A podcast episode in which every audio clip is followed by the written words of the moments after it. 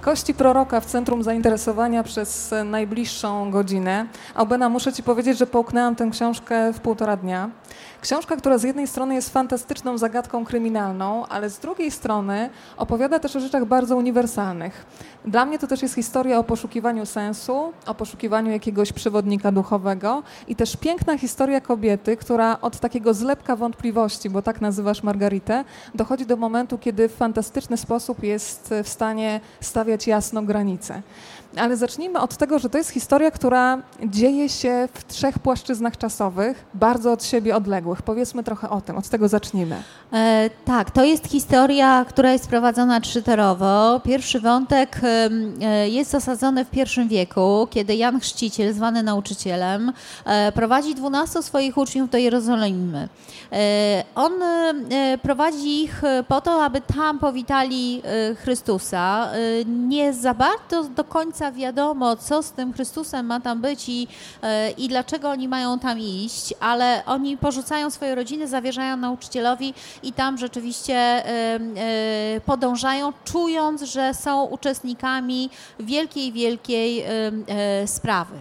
Drugi wątek to jest e, wątek XII-wieczny e, i e, to jest moim zdaniem taki bardzo oryginalny pomysł, żeby umieścić akcję w Cesarstwie Bizantyjskim na terenach dawnej Bułgarii, gdzie rosnące wpływy ma sekta Bogomiłów. To jest sekta, która wywodzi się od Manichejczyków, która później po trzech wiekach stanie się Katarami albigensami.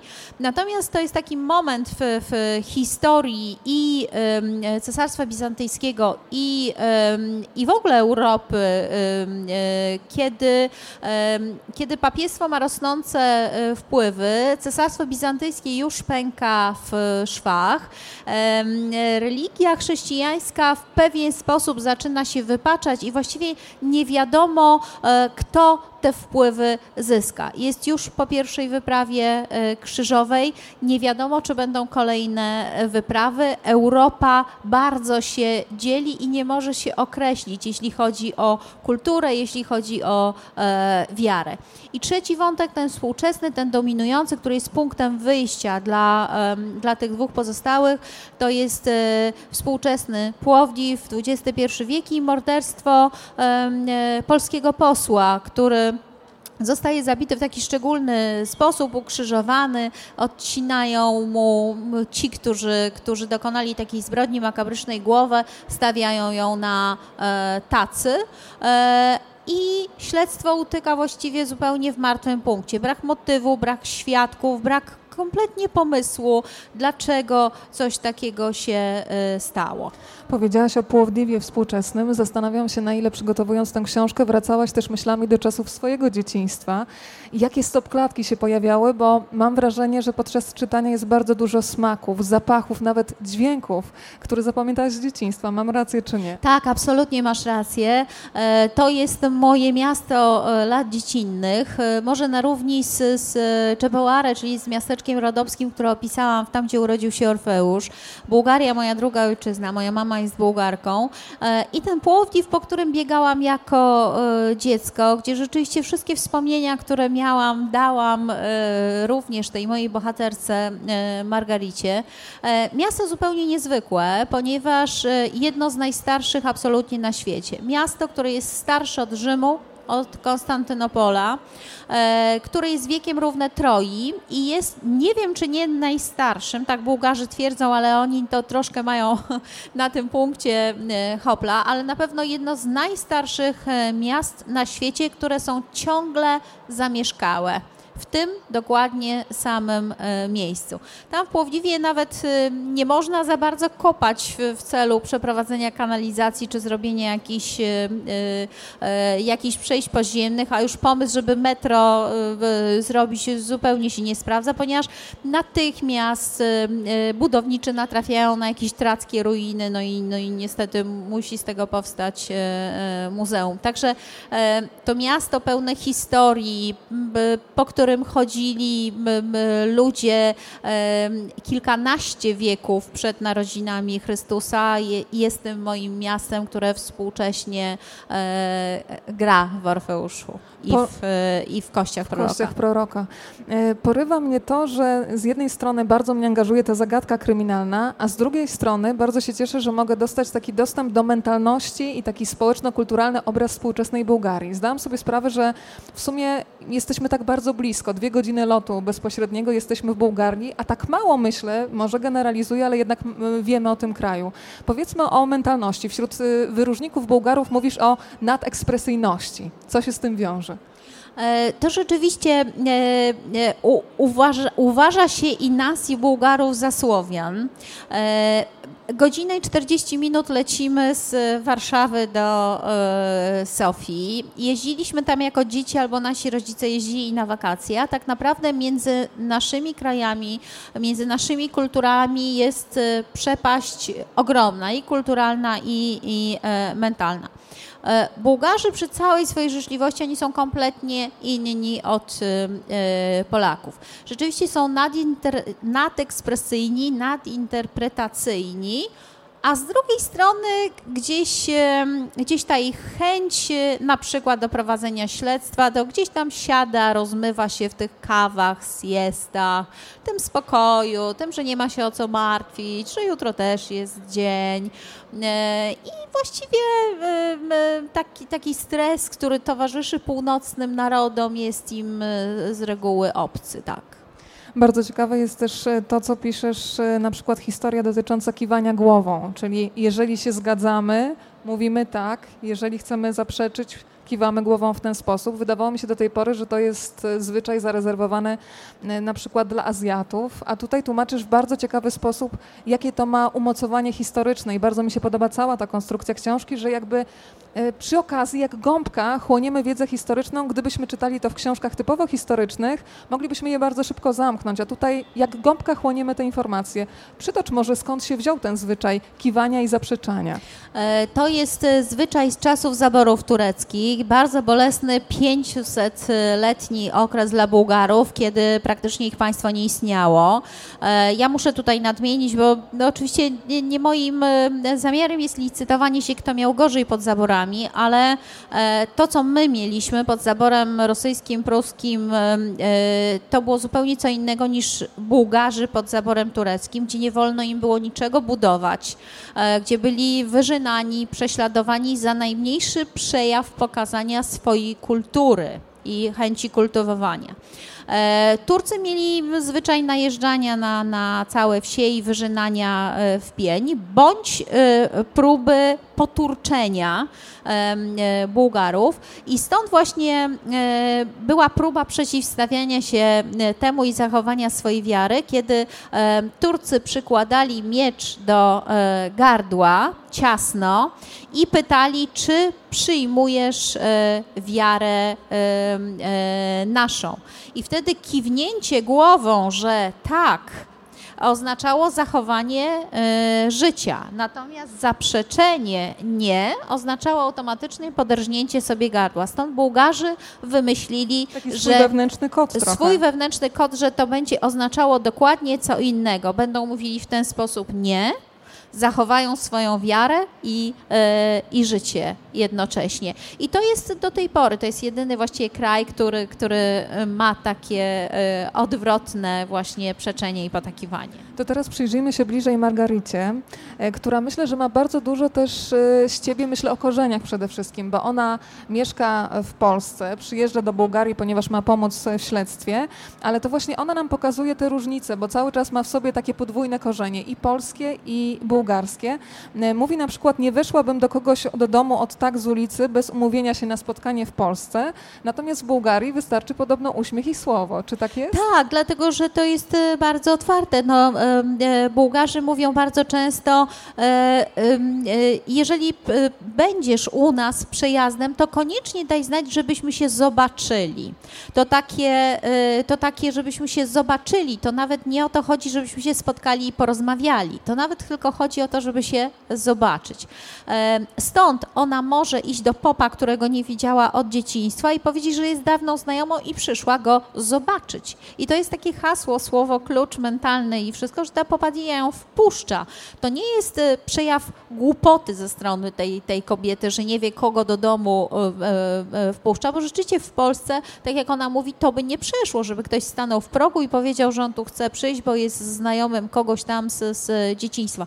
W Bułgarii to jest zupełnie normalne. Albena, jak, jest, jak to jest z tymi podwójnymi korzeniami? Też w książce pada takie zdanie, że czy jesteś już bardziej Bułgarką czy Polką?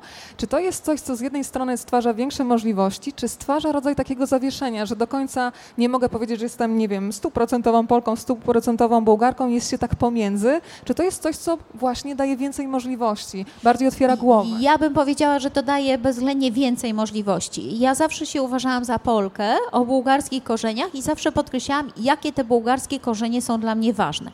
Ja nigdy nie mówiłam, nawet tam, kiedyś byłam, jestem Bułgarką, ponieważ y, y, czuję się nią. Y, w jakiejś części, na pewno kulturowo, władam językiem bardzo dobrze, ale na przykład nigdy nie mieszkałam w e, Bułgarii, tak jak mieszkała Margarita. Ja jeździłam tam e, na wakacje. Nigdy nie chodziłam do szkoły.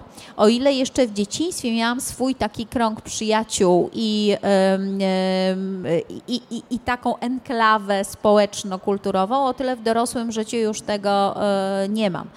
E, ja mnóstwo pamiętam, mnóstwo e, biorę z tego. Tak się śmieję, że tylko najlepszych cech e, od Bułgarów, tych gorszych nie przyjmuję. I, i, i uważam, że daje mi to wiele możliwości i w niczym mnie nie ogranicza. Ja nigdy nie czułam się w zawierzeniu, nawet kiedy tam jechałam i zaczynałam myśleć po bułgarsku, bo po prostu tak mi było e, e, łatwiej. E, nigdy nie czułam się e, na przykład e, tam Polką, a tu e, Bułgarką. Nigdy nie śmiano się ze mnie, że, że mam takie imię nie miałam z tego tytułu żadnych problemów, a wręcz przeciwnie. To ta Bułgaria, to ta kultura, to te korzenie spowodowały nawet to, że zaczęłam pisać, bo gdybym nie to, że chciałam opisać e, swoje dzieciństwo i właśnie tamten kraj, e, to by nie powstały i inne moje powieści, między innymi Kości Proroka. Piękne imię Aubena, czyli kwitnąca jabłoń. Tak. Bardzo się cieszę, że w książce Kości Proroka jest coś, co bym nazwała ścieżką dźwiękową w książce, bo Margarita kocha Koena i zastanawiam się, czy Aubena Grabowska też ma słabość do pana Koena i do jego niskiego, pięknego głosu. Ma czy nie? Tak, absolutnie. Mam, mam e, słabość do Leonarda Koena i do jego pięknego, niskiego e, głosu. E, byłam na jego ostatnim koncercie w, w Polsce. E, który był tutaj w Łodzi. E, mam książkę z przepiękną imienną dedykacją Leonarda. To jest mój skarb e, wielki. To, to, to dostałam w prezencie od przyjaciela swojego, który tłumaczy Goena.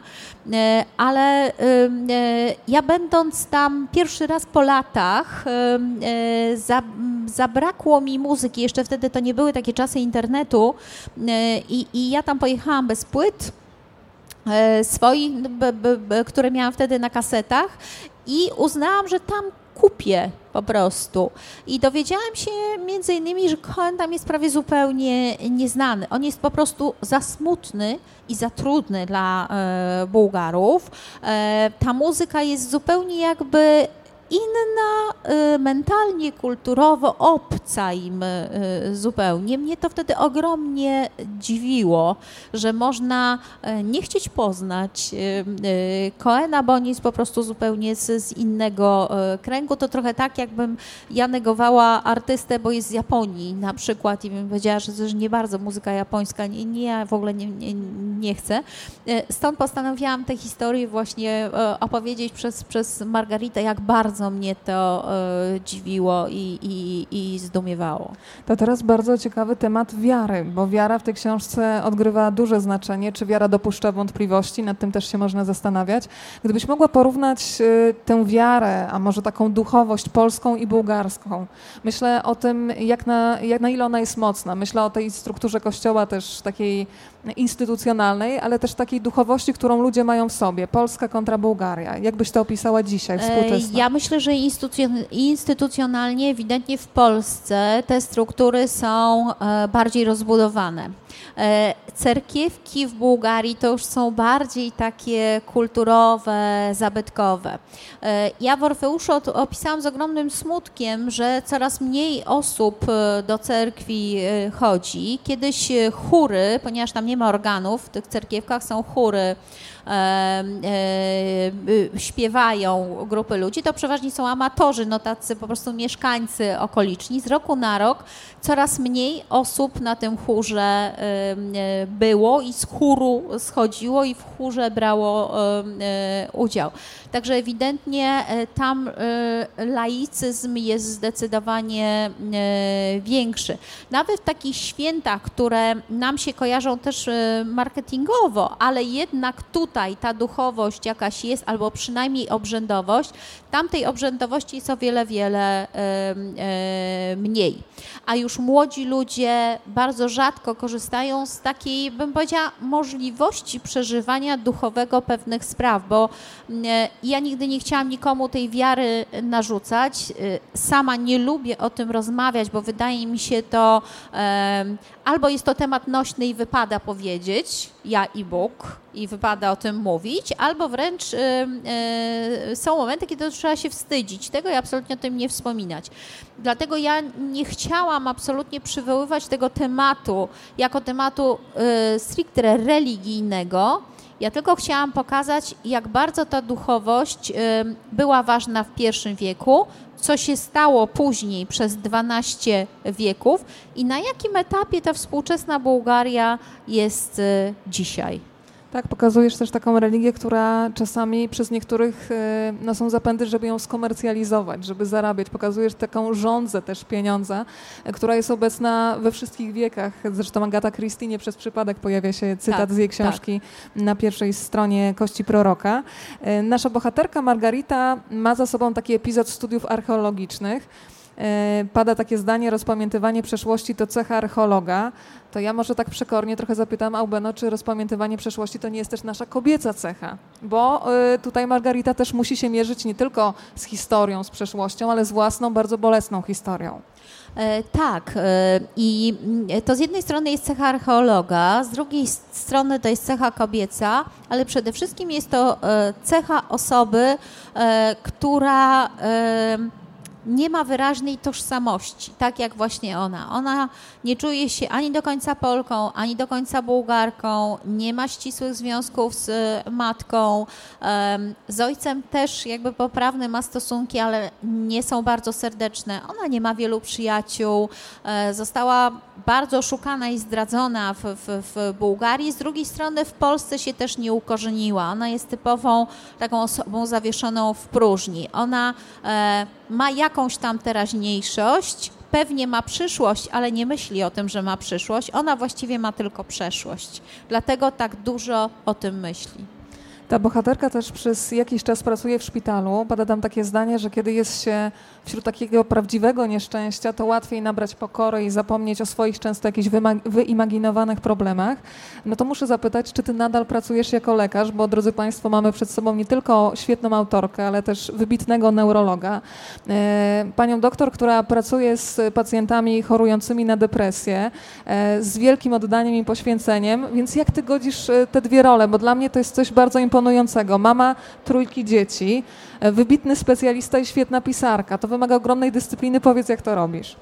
E, to rzeczywiście to jest e, trudne. E, ja zaczęłam pisać dopiero po odejściu z kliniki. Pracowałam w, po studiach w klinice neurologii i epileptologii. Byłam nauczycielem akademickim, więc pacjenci dyżur, bardzo dużo wykładów, kursy atestacyjne, wyjazdy na kongresy, praca naukowa i to mnie całkowicie pochłaniało ale właśnie ta rodzina w pewnym momencie stała się tak ważna i te role tak trudne do pogodzenia, że odeszłam z takiej bardzo aktywnej pracy e, i e, znalazłam nieco spokojniejsze zajęcie, mianowicie też w szpitalu, też przy pacjentach, ale opisywałam badania EEG. To jest bardzo taka ważna, trudna działka, dosyć niszowa I wtedy pojawił się w ogóle pomysł na pisanie, bo zaczęłam mieć po raz pierwszy czas, może dlatego, że nie miałam dyżurów.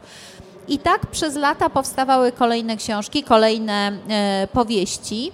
E, I teraz jestem już na takim etapie, że tych książek jest tak dużo, tej pracy przy dzieciach moich jest tak dużo, bo tak się zdarzyło, że mój najmłodszy synek, dziewięcioletni obecnie, jest dzieckiem autystycznym i wymaga bardzo e, czasochłonnej i trudnej terapii. To jest coś, czego nie można odłożyć na za tydzień, za miesiąc czy za rok, ponieważ albo się to zrobi teraz, albo się nie zrobi tego nigdy. A ja jako matka, jako, jako kobieta zrobię wszystko, żeby on e, miał jak największe szanse wyrównania swoich możliwości w stosunku do dzieci uważanych za e, zdrowe.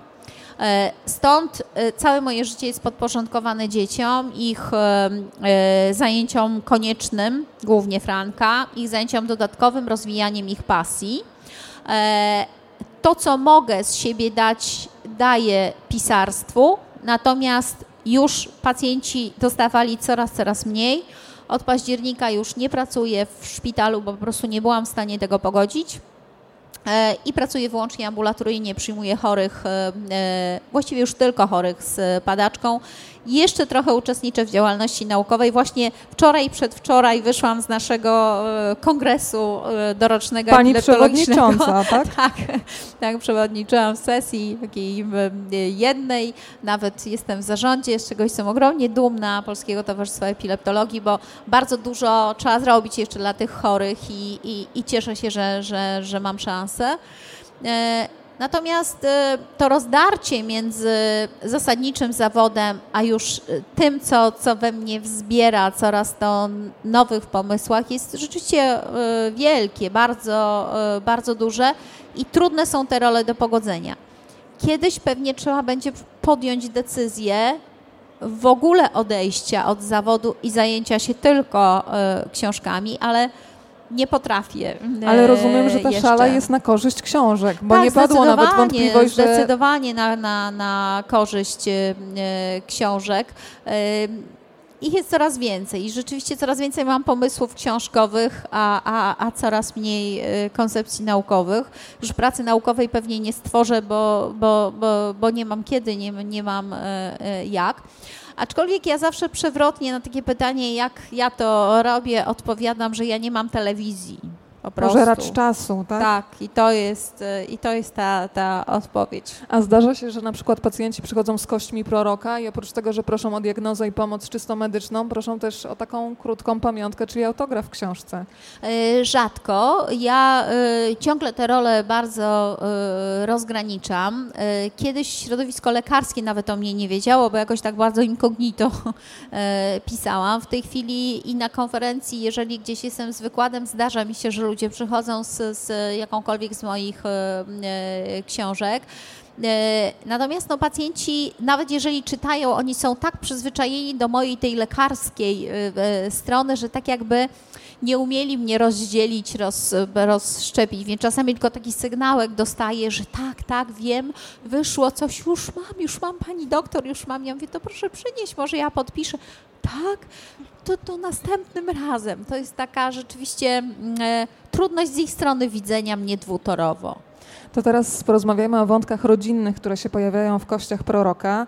No, bardzo trudne relacje pomiędzy matką a córką, gdzie tak naprawdę mam wrażenie, że one obie potrzebują kontaktu, ale nie potrafią się e, do siebie zbliżyć. Jak tworzyłaś postać Margarity? No bo tam też jest taka duża konkurencja. W zasadzie mm, matka, która jest takim guru w świecie archeologii, powoduje, że ta córka cały czas czuje, że nie może doskoczyć. Jak budowałaś jej postać? Bo to bardzo ciekawa historia. ta e, matka jest rzeczywiście taką, taką stworzoną przeze mnie postacią e, kobiety wyjątkowo silnej, władczej, bardzo dominującej, która swoje ja, swojego życiowe zawodowe oparła tylko i wyłącznie na tym, co ona by chciała od y, y, życia. Są takie kobiety, można tak zrobić, tylko zawsze się płaci za to y, cenę, kiedy córka nigdy nie będzie dość dobra, żeby, e, żeby do matki właśnie, tak jak powiedziałaś, e, e, doskoczyć. Zresztą ta jej decyzja w ogóle o rozpoczęciu studiów archeologicznych to też tam w pewnym momencie pada, że ona nawet nie zdawała egzaminu. Ta mama właśnie korzystając z tej polsko-bułgarskiej, tu się uczyła, tam kończyła liceum, tu matura, właśnie tak zahachmęciła, że, że ona się na tych studiach znalazła. To nie była jej decyzja i ona uciekając z tych studiów, właściwie to był nie tylko powiedzenie sobie, nie, właściwie to mnie nie interesuje, ale też ucieczka od wszystkiego łącznie z, z matką. Matka z kolei, będąc osobą tak skoncentrowaną na sobie, nigdy nie przemyślała, dlaczego jej córka zachowuje się tak, a nie e, e, inaczej. E, Czasami matki tak mają. Uważają, że wiedzą lepiej i że skrócą tę drogę nas, córek, do, e, do pewnego etapu. To znaczy, e, ja osiągnęłam tutaj sukces, wiem, że ty też e, osiągniesz, więc przestań tu kombinować. Ja ci powiem, co masz robić i będzie bardzo dobrze, będziesz bardzo zadowolona. A to tak nie jest bo człowiek ma prawo do własnych błędów, do własnej drogi, do własnych decyzji i nie trzeba mu tego zabierać, bo po prostu więź kompletnie się e, rozpada. Poza tym tutaj dochodzi jeszcze coś, co jest też bardzo bułgarskie. Ja w pewnym momencie e, tam piszę i to jest też takie moje wspomnienie z, z dzieciństwa, bo ja byłam u babci, u e, moja, moje dwie takie najbliższe koleżanki też tam były u babci. Jednych rodziców, e, jednej rodzice pracowali w górach i przyjeżdżali tak raz, dwa razy w, w miesiącu. Ona z babcią e, mieszkała. Z kolei jeszcze inni e, gdzieś tam byli, i, e, a babcia w Płowdziwie, więc no niechby, niechby się dzieckiem zajęła, to ono sobie tam zawsze pobiega. I w pewnym momencie nam właśnie Margarita e, mówi, że tam ten z babcią, tamten z babcią, ja z babcią, to gdzie byli nasi rodzice? I to życie ja to pamiętam z dzieciństwa, że tych rodziców tam nie było. Miałyśmy babcie wszystkie, które tam nas opierały, tam dawały nam tam jeść i wyganiały na podwórko, bo, bo one same coś tam robiły, e, e, dorabiały. To jest też takie tamtejsze właśnie kulturowo. Z Margaritą bardzo łatwo się utożsamić i ją polubić przede wszystkim. To jest młoda dziewczyna przed trzydziestką, która jak piszesz w pewnym momencie jest takim zlepkiem wątpliwości. I zdałam sobie sprawę już jako starsza kobieta od twojej bohaterki, że czasami nawet pominają jakiejś takiej zewnętrznej fasady, że jesteśmy kobietami spełnionymi, pewnymi siebie, to czasami przynajmniej raz na jakiś czas każda z nas ma w sobie taki moment, kiedy czuje, że jest właśnie takim zlepkiem wątpliwości. Pokazujesz przepiękną przemianę, kiedy ta młoda kobieta przestraszona, gdzieś osaczona przez te wymagania wymagania matki, staje się kobietą, która potrafi w piękny sposób wyznaczać granice. E, kiedy ty dojrzałaś do takiego momentu, kiedy z tego lęku, z jakichś wątpliwości, z których każdy z nas się składa, i tutaj też nie będę ograniczać do płci, bo myślę, że mężczyźni mają podobnie, kiedy poczułaś, że wiem, wiem już czego chcę, bo Margarita ma problem z tym, że nie wie czego chce od życia. E, ja miałam taki moment koło 30 właśnie roku e, życia, bo wydaje mi się, że ja wcześniej nie miałam tożsamości takiej własnej. Ja składałam się właśnie z takich e, tu korzenie polskie, tu korzenie bułgarskie. Ja byłam córką swojej matki, córką swojego ojca, może mniej, bo ja miałam też taką bardzo silną, dominującą matkę, aczkolwiek nie jest to archeolożka. E, I e, później byłam e, asystentką pana profesora, lekarzem pacjentów, żoną męża. I w pewnym momencie zdałam sobie sprawę, że ja mam mnóstwo do zaproponowania, tylko tak nie za bardzo wiadomo komu i co ja bym mogła zaproponować że drzemie we mnie jakiś wielki potencjał, mogłabym i to, i tamto, i właściwie wszystko robię dobrze, tylko nie wiadomo, czy ja naprawdę tego chcę, czy to jest, wynika z głębi mnie, czy ja powinnam to wszystko e, robić, czy też nie. E, do tego dochodziła kwestia dzieci. Ja bardzo chciałam mieć dzieci, ale wtedy, kiedy chciałam, nie wychodziło e, za bardzo. I był taki moment, kiedy ja zdałam sobie sprawę, że ja już nie mogę być tylko właśnie córeczką mamusi, a tu w ogóle robić w pracy to, co mi każą, bo tu pani profesor daje pacjenta do prowadzenia, a tu ktoś mówi, że chce wykład, to ja też przygotuję, a tu właśnie mąż mówi, że może na wakacje tutaj, no to ja mówię, że dobrze. E, powinnam zacząć mówić własnym e, głosem, bo za chwilę będę miała dzieci i co, ja im będę z kolei mówić, co mają e, robić, a jak ja mam takie wątpliwości, to jak to będzie wszystko wyglądało i czy robić tak, czy nie robić, czy, czy, czy na czym polega to wychowanie, kim ja powinnam być jako, jako kobieta, jako, jako matka, jako żona, jako partnerka, no jako pracownik, czy, czy, czy jako lekarz. I ja po raz pierwszy to poczułam właśnie koło 30 roku życia, że ja muszę coś E, zrobić, co ja rzeczywiście chcę i, i, i co ja czuję, bo nie mogę odpowiadać tylko i wyłącznie na oczekiwania e, innych i złościć się, że ja to robię. To też jest fantastyczny moment, kiedy się odkrywa siłę jednego krótkiego słowa nie, kiedy po prostu tak. się zaczyna odmawiać, prawda? Zdecydowanie tak. Ja to nie później powiedziałam e, po latach i to było bardzo dramatyczne nie, bo to było nie nie i koniec. I to nie było e, w ogóle mowy, że można coś zmienić, pracować, spróbować jeszcze raz. To było nie i absolutnie nie. I to było dramatyczne nie, nie tylko dla mnie, ale też i dla tej osoby, która to nie y, y, usłyszała, gdzie było bardzo trudno później przepracować i, i, i, jakoś pogodzić się e, z tym i nie polecieć też i powiedzieć, nie, nie, nie, to ja się myliłam, to jednak, to jednak tak, to, to może coś tam, to już niech będzie tak, jak wy wszyscy chcecie. Niech, niech znowu nie będzie tak, jak ja chcę, skoro mówicie, że to jest egoistyczne egoistyczne, skoro, skoro to jest nieważne tak naprawdę, co, co, co, co ja chcę. To są ogromnie trudne e, sprawy, trudne e, wybory. I ja też troszeczkę, mimo że nie nadaję swoim bohaterkom swoich własnych cech, ale tutaj no, przez tę właśnie kulturowość, przez ten, ten zlepek, mimo że ta Margarita jest zupełnie inna, mierzy się z traumą, z którą ja się nie mierzyłam na szczęście e, i jest dużo ode mnie młodsza, jednak coś tam przemycam, żeby to, tak jak się dzisiaj modnie mówi, przepracować, żeby sobie zdawać sprawę z pewnych swoich cech i swoich wyborów. To wrócę do naszych bohaterów z powieści. Y, mamy pierwszy wiek, mamy Ariela, którego poznajemy. I on pisze w pewnym momencie tak: Pisanie nadało sens mojemu życiu, zostałem kronikarzem, czułem brzemię odpowiedzialności. Aubena, czy czułaś brzemię odpowiedzialności E, pisząc, e, bazując tak naprawdę na źródłach historycznych. To jest pytanie tak naprawdę o głęboki research, bo e, wyobrażam sobie, że żeby napisać książkę, która ma potężną objętość, to musiałaś przeczytać co najmniej dziesięciokrotnie więcej, żeby te wszystkie fakty, wymyśleni bohaterowie, żeby byli, byli pieczołowicie osadzeni w epoce.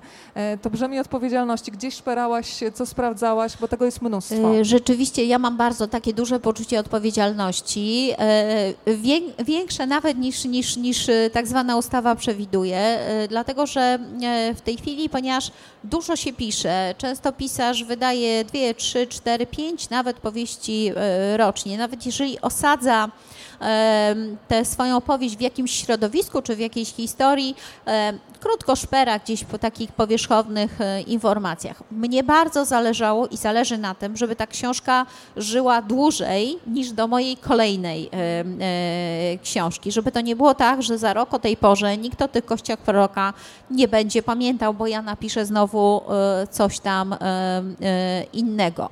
Ja też nigdy nie chciałam tworzyć takich książek, jak to się mówi, na plażę że się weźmie na wakacje, przeczyta i nawet tam zostawi, bo to szkoda y, y, y, brać z powrotem. Stąd ten bardzo głęboki research i to rzeczywiście absolutna pewność, że to wszystko, co ja piszę, to rzeczywiście miało miejsce naprawdę. Bo dopiero jak się pozna prawdę, to można spróbować ją nieco zafałszować albo nieco dodać takiej ars poetyki, żeby było e, ciekawiej, ale trzeba to zrobić absolutnie e, świadomie. Stąd ta próba w, w wątku z pierwszego wieku wyjaśnienia, na, na którym etapie, w jakim momencie mogło dojść do zafałszowania e, tej historii. Na czym polega właśnie opowiadanie jeden drugiemu, drugi trzeciemu, trzeci czwartemu, co było tam kiedyś, w którym momencie się dodaje własną interpretację, w którym momencie się ubarwia te e, historie w najlepszej wierze żeby było ciekawiej, żeby było bardziej zrozumiale, żeby było lepiej, żeby się wybić e, tym e, pisaniem, stać się na przykład ulubionym uczniem swojego mistrza. To teraz przenieśmy się do wieku XII. Będziemy tak sobie swobodnie uruchamiać nasz wehikuł czasu, żeby poznać Cyryla, czyli bohatera, który został oddany do e, Bogomiłów w wieku 7 lat. Powiedzmy, jak bardzo mocno była schierarchizowana też ta społeczność, e, bo tam no, trzeba się było wykazać dużą pokorą, żeby dotrzeć na szczyty, bo te szczyty też istniały w każdej hierarchii, w każdej tak. sekcji w społeczności. E, rzeczywiście e, to była zresztą niezwykła sekta. Oni, oni byli bardzo popularni między IX a XIII e, wiekiem, mieli dosyć duże wpływy, mimo że ta religia, jak później Margarita mówi, była mało atrakcyjna i nie zapewniała takiej masowości. Tam rzeczywiście ta elitarność, ta bardzo długa droga od momentu adepta w szkole takiej przyklasztornej do chwili, kiedy się szło już do klasztoru jako mnich właściwy, a mimo wszystko było się znowu najniżej w tej hierarchii. Dopiero po 10 latach można było trafić e, do, e, do tych tak zwanych no, wyższych e, stażem i dostojnością mnichów. Z kolei nawet nawet nie oni wszyscy znali wszystkie dogmaty i wszystkie e, założenia. Rzeczywiście była bardzo trudna wiara, sekta i mało e, atrakcyjna w naszym takim dzisiejszym e, pojęciu. Wymagała pokory, tak, wymagała ogromnej złota, pokory, ascezy, absolutnej. Prawda? Oni nie budowali cerkwi, nie mieli ikon, nie palili nawet y, świec. Y, jedyną taką obrzędowością było odmawianie 120 razy dziennie modlitwy Ojcze Nasz. Nie było tam spowiedzi, nie było nawet możliwości takiego poradzenia się starszego, ponieważ za jakieś wątpliwości, za jakiś błąd można było po prostu zostać ukaranym i to w bardzo dotkliwy sposób. Najczęściej Czyli taka tak, wiara, która się domagała ślepego tak. posłuszeństwa, w której nie ma miejsca na te wątpliwości, prawda? Absolutnie nie ma miejsca, nikt tych wątpliwości nie poszukuje i nikt, e, i nikt nie chce ich wyjaśnić. Co więcej, e, najgłębsza i najpokorniejsza wiara nie dostaje nagrody. Dlatego, że e, święta Księga Bogomiłów, największa świętość, ona nie jest pokazywana nawet wszystkim starszym e, mnichom w, w klasztorze. E, wtedy, kiedy oni wędrują z tą księgą do Bizancjum i zdecydują się zrobić kilka kopii, żeby ta największa świętość nie wpadła w niepowołane ręce, nawet wtedy nie mogą tej księgi zobaczyć ani przeczytać. Wychodzi jeden z najdostojniejszych mnichów i po prostu czyta fragmenty ukrytej w płótnie księgi. I to rzeczywiście tak było z, z Bogomiłami. To była bardzo trudna, bardzo taki no, e, surowy odłam e, e, zakonny. Drodzy Państwo, tak jak mówiłam, dzisiaj się będziemy przemieszczać w czasie i przestrzeni, więc z tego wieku XII lądujemy znowu we współczesnej Bułgarii. Muszę Ci powiedzieć, Albeno, że nabrałam apetytu na wizytę w Bułgarii, ale też apetytu w tym sensie czysto kulinarnym. To, jak opisujesz tamtejsze potrawy, które nawet w sensie nazw aż smakują, bo brzmią kompletnie inaczej niż to, co znamy z Polski, no to powiedz, co warto spróbować, bo akurat Margarita ma taką okazję, że wraca do tych wszystkich smaków z dzieciństwa i ona, będąc w Polsce, za nimi tęskni, do czego się przyznaje. Tak, absolutnie. Ja też za, za, za nimi tęsknię, aczkolwiek e, e, ja ogromnie lubię kuchnię bułgarską i staram się też gotować różne potrawy bułgarskie w domu, bo są po prostu bardzo smaczne i bardzo zdrowe, bo to jest kuchnia bazująca na warzywach. Tam mięso jest składnikiem jakby takim równorzędnym do, do, do warzyw, do ryżu, do, do kasz, do, do ziemniaków, e, fasoli. E, to po prostu dodaje się mięso. A, a zresztą bardzo często Bułgarzanie wolą postne e, jedzenie, nawet bo na przykład gołąbki można zrobić i z mięsem i, i, i postne i wszyscy jak się okazuje wolą postne. Tak samo paprykę, czuszki można napełnić ryżem z warzywami, można też z mięsem i też większość osób woli postne te papryki na, nadziewane. A czym jest tarator na przykład? Bo tarator, tym, tarator, tarator tak. to jest chłodnik, taki bardzo specyficzny. Ja zawsze jak, jak mówię, jak się go robi, to wszyscy się dziwią, jak to nie ma buraczków. To jak to tak bez buraczków? Tam nie ma buraczków. To jest jogurt rozcieńczony z wodą i posolony, e, starte ogórki, czosnek, orzechy włoskie i koper. Bardzo to wyrazisty jest smak. bardzo dobre. To jest bardzo popularny taki, no, no, no, no coś, co, co się zawsze no, nieomalże ma w domu całe y, y, lato. Także ona to y, uwielbia. ale ona najbardziej lubi to, co ja lubię najbardziej, czyli banice. E, ja sobie tak myślę, że dobrze, że w tej Bułgarii nie mieszkam, bo ja bym codziennie te banice e, jadła i, i to jest naprawdę, to jest przepyszne. Zresztą e, to są liście ciasta przekładane jajkami, serem owczym i masłem i później zapiekane. Już się robię głodna. Więc to nie jest takie znowu, żeby sobie to tak bezkarnie jeść. A milinki? A milinki to są takie bułeczki, tak, to są takie bułeczki, takie albo drożdżowe, albo e, z sodą e, się je robi, ale tam do tego ciasta dodaje się sera owczego e, troszeczkę i to daje taki właśnie słonawy, pyszny, pyszny posmak. A jak jest z tą mentalnością? Powiedziałaś, napisałaś w książce takie ładne zdanie, że w zasadzie nie istnieje intymność czy prywatność. Jeżeli Bułgar jest czegoś ciekawy, to przychodzi i pyta. W tak. Polsce mamy konwenansę, czyli co, faktycznie mogę przyjść i zapytać kogoś, nie wiem, o szczegóły rozwodu, o jego życie prywatne? Tak, zdecydowanie tak. tak. Ja, ja pamiętam z dzieciństwa, w, mieszkaliśmy w bloku, e, gdzie ja w Pruszkowie w Polsce też mieszkałam w bloku i ja e, oczywiście niektórych sąsiadów znaliśmy, nawet byliśmy z nimi e, bliżej. Natomiast tam wszyscy sąsiedzi się znali bardzo dobrze i pewna para się rozwodziła tam.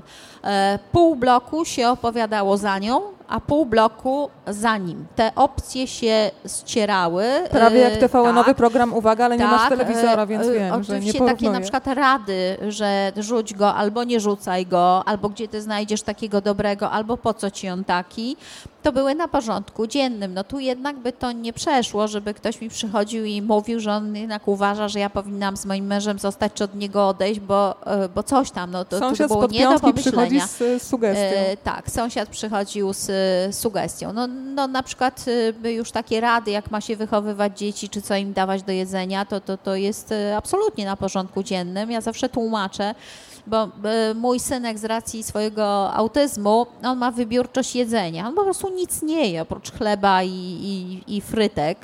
I i cały czas są rady, ale to on musi jeść, no, trzeba mu coś dać. Ja mówię, no to proszę bardzo, proszę spróbować. proszę spróbować. Ale jak to tak? Nie można, ale ty musisz. I przychodzą właśnie i tłumaczą mi, mnie lekarzowi, że witaminy, że żelazo. I ja mówię, ja rozumiem. I i nie można e, e, przewalczyć, żeby ktoś właśnie no, e, no sobie zatrzymał te rady na przykład dla siebie. To nie, nie, zupełnie nie. W tym obrazie Bułgarii, który czytamy, który widzimy w kościach proroka, pisze też o tym, że Bułgarzy, młodzi Bułgarzy chcą uciec z kraju. Faktycznie to dążenie do tego, żeby wyjechać gdzieś na zachód jest tak mocne? Bardzo mocne. E, w, nawet jest tak uważane, że właściwie ci, co zostali, to, to może są bardziej nieudачnicy albo mniej zdolni, bo osoba, która naprawdę e, coś sobą reprezentuje i coś skończyła, to właściwie powinna pojechać za, za granicę. Tam jest naprawdę dużo dużo, dużo trudniej, dużo biedniej. Możliwości są mniejsze, szczególnie właśnie dla e, młodych ludzi. Zresztą to jest kraj, gdzie jest ogromna korupcja. To, to gdzie się wszystko, jak ja byłam mała, załatwiało i załatwia do tej pory. Tam bardzo często mówią mieszkający ludzie, że właśnie jeżeli ktoś jest przedsiębiorczy, ma jakiś pomysł, coś stworzy, zacznie zarabiać, natychmiast się y, zaczyna ukrócać mu te, te możliwości właśnie przez uwikłanie go w takie różne układy, że to trzeba zapłacić, że to trzeba brać od tego towar, a sprzedawać tamtemu i to natychmiast się y, kończy. Znowu wehikuł czasu uruchamiam. Wracamy do pierwszego wieku korzenie chrześcijaństwa pokazujesz, też weryfikujesz wiele przypowieści, które e, znamy, ale też pokazujesz, jak bardzo się zmieniło na przykład, e, zmieniła długość życia. Bohater mówi, mam prawie 30 lat, jestem już tak starym człowiekiem. Jak budowałaś? Dla mnie jest niesamowite to, że kiedy myślę o ludziach z pierwszego wieku, to złapałam się na tym, że prawie już ich wsadziłam w jakieś bajki, legendy, że oni prawie nie byli z krwi i kości. A ty piszesz tak, że nagle widzę człowieka, który mówi oczywiście innym językiem, ale mierzy się z bardzo podobnymi dylematami, co my współcześni. Jak budowałaś e, Ariela? E, właśnie ja bardzo chciałam e, pokazać tych ludzi w taki sposób, jak może to jest zbyt daleka analogia, ale ale, ale jakaś. Jak Mel Gibson pokazał mękę i śmierć Chrystusa, gdzie my mówimy umęczony, ukrzyżowany, po trzech dniach zmartwychwstał. Cały dramat zawieramy w jednym e, zdaniu, właściwie nie zdając sobie sprawy, jak to wyglądało.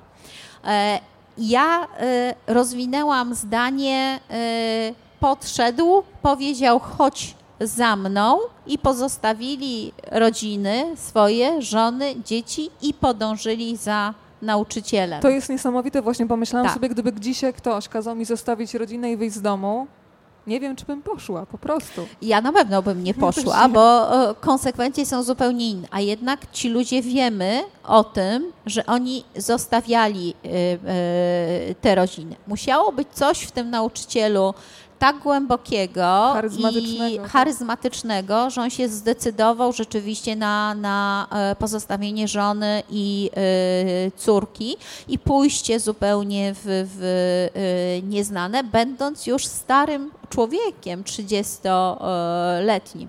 Rzeczywiście e, wtedy e, statystycznie e, rzecz biorąc, człowiek 40-letni był już człowiekiem naprawdę U schyłku życia. u schyłku życia. Zresztą i kobieta no, rodziła w wieku 16-17 lat. Do e, 30 roku życia miała pięcioro czy ośmioro dzieci i w naszym wieku, znaczy ty jesteś dużo młodszy ode mnie, ale w moim, to już by- była bardzo sędziwą e, osobą, gdzie no, no my uważamy, że w ogóle 40 plus, no to gdzie dopiero życie się zaczyna, bo troszkę te dzieci e, odchowane. Tam już to życie się kończyło. I taki jest właśnie Ariel. On już ma pewne doświadczenie i musi zacząć coś zupełnie od nowa. On się decyduje na to.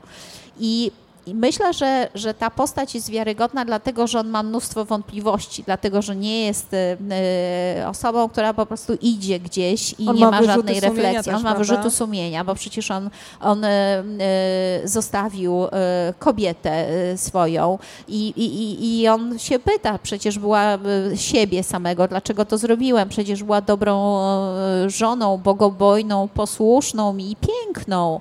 Zupełnie nie miał żadnego em, powodu, żeby to zrobić. Później się zastanawia, e, czy ona zostanie uznana za wdowę, a co będzie, jeżeli ona znajdzie kogoś innego, a on na przykład zechce wrócić, bo przecież nie wie, jaka będzie jego e, przyszłość. Ja myślę, że dobry bohater e, e, składa się z wątpliwości i z analizy tego, co robi i co czuje. Powiedziałaś też to zdanie ukrzyżowane i pojawiło się hasło krzyż. Ty też pokazujesz, jak różne rodzaje krzyża występują, jak różną mają symbolikę w kulturach, e, w innych narodach. Więc e, każda historia jest tak naprawdę pretekstem do tego, żeby trochę tej historii, e, nie chciałabym powiedzieć przemycić, bo tak jak powiedziałam, ją Tak, się chłonie, jak, jak tak. pokazać, jak, jak, jak gąbka. O tych krzyżach też rozumiem, że musiałaś przestudiować wiele źródeł, Tak. żeby opisać tę historię. Tak, zupełnie, ale e, muszę powiedzieć, że takie researche, oprócz tego, że są rzeczywiście e, bardzo trudne i to jest wielka odpowiedzialność, ale ja sama się dowiaduję rzeczy, o których nie miałam e, e, zupełnie pojęcia. Na przykład e, dla mnie ogromnym odkryciem była właśnie rozwinięcie zdania z Nowego Testamentu, że Chrystus w Jerozolimie wszedł do świątyni zobaczył handlujących i powywracał im e, Stragany, stoiska, tak, tak. mówiąc, nie będziecie handlować w domu ojca mojego. I mnie się to wydawało jako dziecku i do tej pory po prostu wyłącznie takim oburzeniem na to, że w tej świątyni ludzie się nie tylko modlą, ale jeszcze jakiś tam biznes odchodzi. I kiedy dowiedziałam się, jakie było podłoże społeczne i polityczne właśnie wokół święta Paschy i tego sprzedawania zwierząt ofiarnych, to ja wreszcie zrozumiałam ten e, gest i, i, i później nieomalże absolutnie histeryczną reakcję kapłana Nasza, który był większy, właścicielem większości tych stoisk świątyni jerozolimskiej i jego chęć wyeliminowania Chrystusa, gdzie, gdzie przecież wydawało się, że on jako, że to Rzymianie mogliby mieć coś do kogoś, kto, kto niby głosi chęć niepodległości, a tu tymczasem kapłani, którzy powinni być najbliżsi e, e, Chrystusowi, no wydają na niego e, taki wyrok. W tej opowieści jeszcze wrócę do Bułgarii, do Bułgarii współczesnej. Mówisz, że tam jest wątek jasnowidzenia. I napisałeś, że w Bułgarii Baba Wanga jest znana każdemu Bułgarowi powyżej piątego roku życia. Patrzę na Państwa, czy ktoś kojarzy Baba Wangę w Polsce. Ja od razu się przyznaję, że nie kojarzyłam, potem już sprawdziłam, więc może e, wyjaśni Aubeno. E, to była bardzo słynna wieszczka, która e, gdzieś tam w dzieciństwie, ona dostała się e, do trąby trąby powietrznej do, e, do środka. E, piasek w tej trąbie powietrznej całkiem zakleił jej powieki do oczu. Ona została odrzucona gdzieś bardzo e, daleko, upadła z dużej wysokości ale okazało się, że właściwie nic się jej nie stało, poza ślepotą, którą nabyła i ujawnił się wtedy u niej dar jasnowidzenia. E, ona była tak e, znaną e, wieszczką, która jakby swoje przepowiednie weryfikowała ex juvantibus, a nie ex post, jak to się dzisiaj mówi, bo ja też mogłabym powiedzieć, że też mówiłam, że coś będzie. Natomiast ona w pewnym momencie swoje przepowiednie ogłaszała nawet w gazetach. Ona ich wieszczyła zwykłym ludziom, do niej przychodzili najpotężniejsi tamtego świata, świata, czyli regularnie Todor Żywkow i nawet się mówiło, że Breżniew. E, ona publikowała w gazetach na przykład informacje o tym, że będzie trzęsienie ziemi. Swego czasu w, w Bułgarii było sporo trzęsień e, ziemi, gdzie ludzie ginęli w, w, w jakimś tam e, w jakiejś tam liczbie i na przykład moja mama mi opowiadała, że pamięta, że na przykład Baba Wanga ogłaszała, że będzie w Płowdiw i okolicach trzęsienie y, ziemi i miasto pustoszało. Wszyscy wyjeżdżali po jakichś tam Czyli wsiach. miała posłuch Tak, rzeczywiście ziemia się wtedy trzęsła. Sama przeżyłam trzęsienie ziemi w, w Płowdziwie. Nie, niewielkie bloki miały tylko dwa metry odchyłu, ale wrażenie nie polecam naprawdę, żeby ci okropne. E, e, ona na przykład przewidziała katastrofę Kurska, nazywając e, ten statek w ogóle, mówiąc o, o tej nazwie. Ona nie potrzebowała wzroku do widzenia. Ona wszędzie szła, chodziła, widziała, kto idzie, wiedziała, kto to jest. E, mówiła na przykład, uważaj na swoją córkę, ponieważ jutro wyjdzie, będzie chciała przejść przez most, tam jest jakaś kładka, mózg się zawali, może się e, utopić. I to się rzeczywiście wszystko e, sprawdzało. Także to jest taka dla nich postać, dla Bułgarów, naprawdę ogromnie symboliczna. Jak ktoś mówi Baba Wanga, to od razu wiadomo, o kogo chodzi. Ale w ogóle takich jasnowidzących, wieszczących z fusów kawy jest tam bardzo, bardzo dużo to jest y, w Polsce zjawisko marginalne. Natomiast tam jest rzeczywiście bardzo e, e, szerokie. I, e, I stąd ta Lela Sia, która tam właśnie e, wieszczyła i widziała, której nie mogą znaleźć, to, to, to ja wiem, że to jest zabawne, jak się czyta, ale to jest naprawdę, żaden Bułgar by się nad tym nie zaśmiał, bo był absolutnie przekonany, że jakbym przy tym e, była. Stąd właśnie, stąd właśnie ta cała postać, ta cała właśnie sytuacja. Aubena, zaraz Cię oddam e, publiczności, żebyś mogła podpisać książki, ale na koniec jeszcze w dwóch zdaniach, nad czym teraz pracujesz, bo powiedziałaś, że książek na pewno nie zostawisz, e, więc e, na co teraz możemy czekać? E, teraz e, pracuję, już kończę właściwie opowiadania, które napisałam na bazie e, swojej sagi Stulecie Winnych, gdzie w tych opowiadaniach rozwijam pewne wątki, o których nie mówiłam przy okazji stulecia, albo które zostały bardzo skrótowo potraktowane. To jest ogromnie ciekawe doświadczenie, bardzo pięknie się to mi pisze, bo, bo, bo e, to była też książka, którą pisało mi się bardzo, bardzo e, przyjemnie. E, I te opowiadania ukażą się we wrześniu. Podobnie we wrześniu albo w październiku będzie można przeczytać moją książkę Nowy Świat. To jest tak zwane postapo.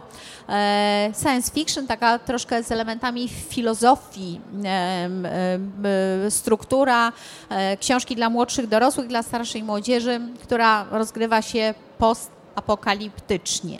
Tam też stawiam różne ważne e, e, pytania. No i później może wrócę do tego, co, co, co potrafię najlepiej, czyli może o jakiejś sadze konie, kolejnej pomyślę. Jak Państwo słyszeli, jest na co czekać, a samo czekanie też może być przyjemnością. Aubena Grabowska była dzisiaj razem z Państwem. Zapraszam na stoisko wydawnictwa Marginesy, tam Kości Proroka. A my z Aubeną jeszcze się teraz przeniesiemy za chwilę tutaj na lewą stronę, zwalniamy kanapy na kolejną rozmowę, a Państwo mogą e, ja u bardzo, bardzo dziękuję książki. za rozmowę, za zaproszenie tutaj na kanapę literacką. Bardzo jest mi się zawsze miło z Państwem e, e, spotkać. Chętnie odpowiadam na pytania, aczkolwiek najwięcej mówię książkach.